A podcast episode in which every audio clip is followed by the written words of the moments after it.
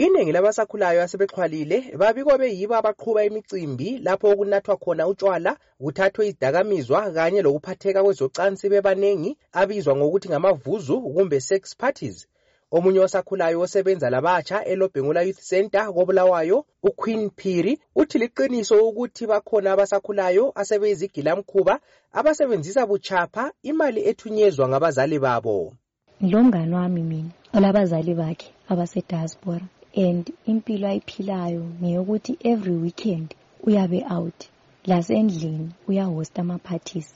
And akula muntu umuntu omdala omkhangeleyo akula muntu oyabe emtshela okokwenza. So vele umuntu onjalo akumelanga njani? Aphiwe imali. Karesi vele i-technology si-advanced and abazali kungcono nxa kuyikuthi imali ye-school fees efunakalayo konke khonokho amagrosari abefunakala abazali bahle bafake lese ku-akhawunti yesikolo nxa kuligrosari bethumeze kunjalo kuligrosari and imali ingabuyi direct to umntwana.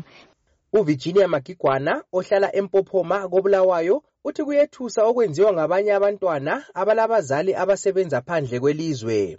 Ngaphakithi kulomntwana owagcina exotshwa esikolo ethunyezele imali wathunyezelwa ifoni ama-tablet esafika isamangalisa i-tablet umntwana lwana edownloada njengomntwana oyevele lezimali esakhiphilezi eziningi edownloada izinto ezingayenziyo ehamba lazo esesikolo etshona ebukelisa abanye efihla ifoni leyana. Yazi yinto embi ukuthi umntwana abe lemali edlulisileyo. Abasakhulayo laba benza amavuzu parties angela nhlonipho kodwa uyakulandula lokhu omunye osakhulayo ubelieve mthombeni olabazali abaleminyaka edlula emihlanu besebenza kwelebhilithani yebo bengabe bekhona abakwenzayo kodwa ayisikho sonke. Mina abami abazali bakhatshana kodwa bengathumela imali ngiyisebenzisa ngendlela efaneleyo. Kuloma mdala otshona ngivulele ilihlo ekhangela ukuthi angiyenzi bulema yini? Kodwa lokho akutsho ukuthi lami ngingasela okuyimali ukuzidlela phela. Umnumzana ndumiso sibanda osebenza kwele south africa uthi kuqakathekile ukuthi abasakhulayo abathunyelwa imali bayiphathe ngemfanelo. Kuqakathekile ukuthi nabo laba abaseleyo nxa sebethunyelwa-ke izimali bazisebenzise ngezindlela ezilobuntu ngendlela ezakhayo ukuze nalaba ababathumezela izimali bangaphatheki kabi ukuthi basebenza nzima besebenzela ukuthi abantwababo noma abafowabo badlalise izimali. Udokotela mbulisi ndlovu ocubungula indaba zabasakhulayo njalo osebenza ekholitshini lelupane state university uthi ukutshabalala kwesiko lesintu ezimulini yikho sokudala uhlupho lolu ebantwaneni abaphiwa imali eningi ngabazali abasebenza kwamanye amazwe.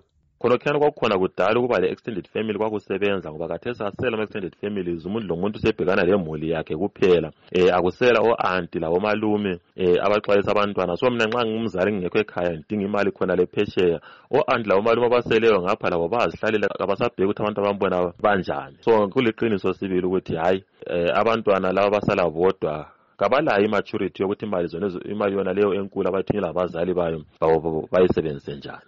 Kulabadabuka ezimbabwe abasuka elizweni besiyadinga imisebenzi kwamanye amazwe ngenxa yokuswelakala kwemisebenzi elizweni. Ucwaningo olwenziwa yinhlanganiso ye-unesco leye-unicef lwaveza ukuba abanye abantwana sebengamahlongandlebe ngenxa yokuthi abazali babo bahlala phandle kwelizwe.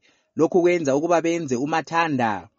Kuleyinye njalo inhlanganiso ebona ngokwenzakala phakathi kukazulu eyezwandiri eyenza ucwaningo yathola ukuba isilinganiso sabantwanyana ababamba izisu bengakukhangelelanga sifika phose ikhulu elikhulwini 95 percent. Ngimele istudio 7 ngiseharare ngingutobias mudzingwa.